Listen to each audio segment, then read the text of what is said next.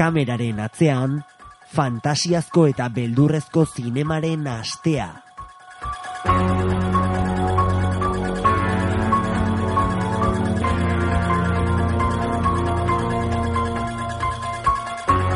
Edizioz edizio ohikotzat dugu film klasikoak edota berri izan, baina dagoeneko ezagutzen ditugunak berriz ikusteko aukera izatea.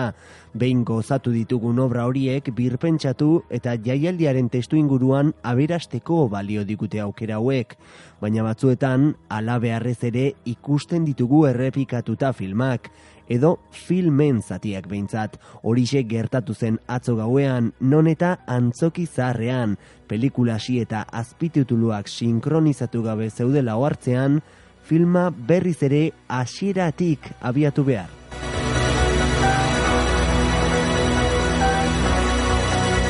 Kameraren atzean atarian, fantasiazko eta beldurrezko astearen berri ematen ari gara egunez egun, eta gaurkoan astelenak emandako film muztaren inguruan hitz egingo dizuegu.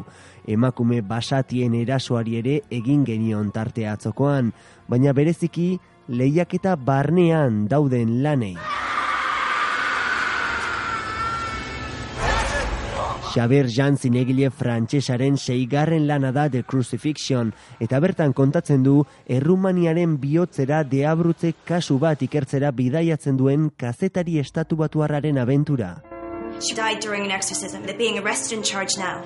A possessed nun story is another chance for you to nail faith to the wall. Abia puntu interesgarria proposatzen du exorcismoaren ondorio zildako neskaren inguruan elkartzen baititu kazetaritza ikerketa, mendialde errumaniarreko komunitate txiki batek irekita dituen zaurien inguruan hitz egiteko duen zailtasuna edota sinesmena bera ere. Alor pertsonalean zein elizan dimentsio instituzionalean zenbateraino gera daitekeen kolokan alako gertaera baten aurrean sinesmena.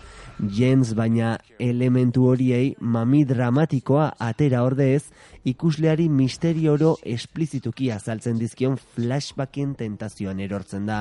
Eta honek eragiten du, historioak aurrera eginala ikuslea bertan geroz eta gehiago implikatu ordez, distantzia handitu eta interesa murriztea.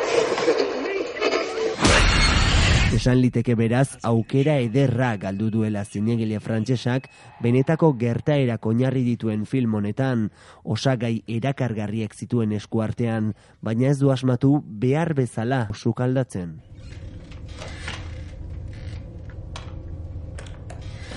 Emakumeak protagonista ere urrengo filmean.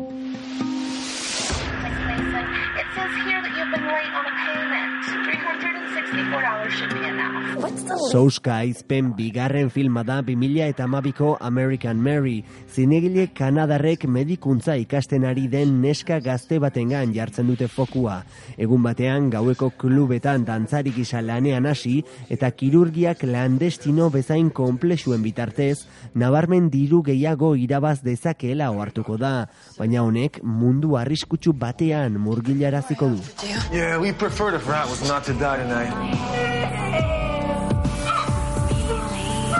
Pelikulak gogo eta interesgarriak lantzea bilatzen du muinean, gizonezko eta emakumezkoen arteko harremanari dagozkienak bereziki, baina hauek garatzerako orduan utxe egiten du. Sakontasunik gabeko pertsonaiek eta argumentua ezer gutxia berazten duten elkarrezketek kontakizuna zangotra batu egiten dute eta irudi odoltsuen bitartez beldurrezko zinemako hainbat referente klasikori keinua egiten saiatu arren, hankamoz geratzen den obra baten aurrean egotearen sentsazioa galientzen da une oro. Kontatu nahi duena guztiz garatu ez eta erdibidean geratu diren sortzaileena.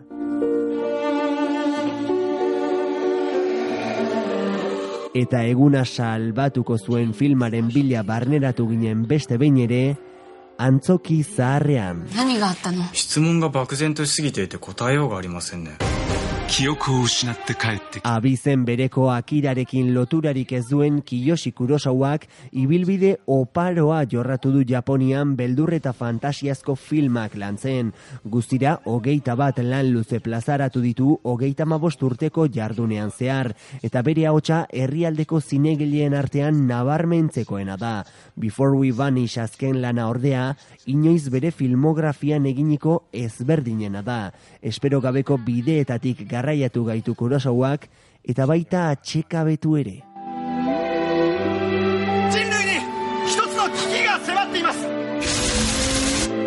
Estralurtar direla sentitzen duten pertsona batzuk, euren biktima potentzial izan daitezkeen beste batzuk, eta hori guztia ikertzen saiatzen den kazetaria biltzen ditu filmaren historio nagusiak, baina tentsio dramatiko orotikurrun, argumentua gehiegi oinarritzen da elkarrizketetan.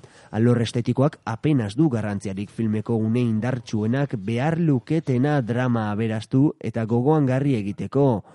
Filmak nabarmen egiten du gora bigarren erdialdean iradokitzen duenean gizaki eta estralurtarren arteko etengabeko zatik eta hori norbere garunean besterik ez dagoela. Baina oro har, historioa geldo geratzen da, eta ez du ne batean ere beldur eta fantasiaren ikusgarritasun goze dagoen ikuslea erakartzea lortzen. Hori bai, aipatu bezala filmaren hasiera birritan ikusteko aukera izan genuen arazo teknikoak medio eta horrek iruzkin ganberroak jaurtitzeko beti pres dagoen antzogizarreko parrokiaren baitan une benetan gogoan garriak utzi zizkigun. Horri eutxi beharko diogu filmen aldetik behintzat jaialdiaren hirugarren eguna etzelako bereziki gogoan garria izan.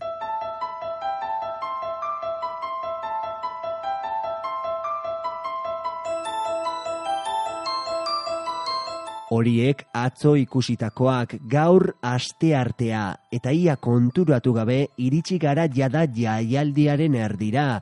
Halloween gaua izango dugu gozagarri gaurkoan eta Ameriketatik etorritako tradizioa zehatz mehatz bizi berritzeko joerarik ez dugun arren gustura irentsiko dugu film beteka da berri bat. Baina horren berri bihar goizean emango dizuegu beti bezala kameraren atzean, ordura arte argiak itzali eta gozatu dezagun zinemaz.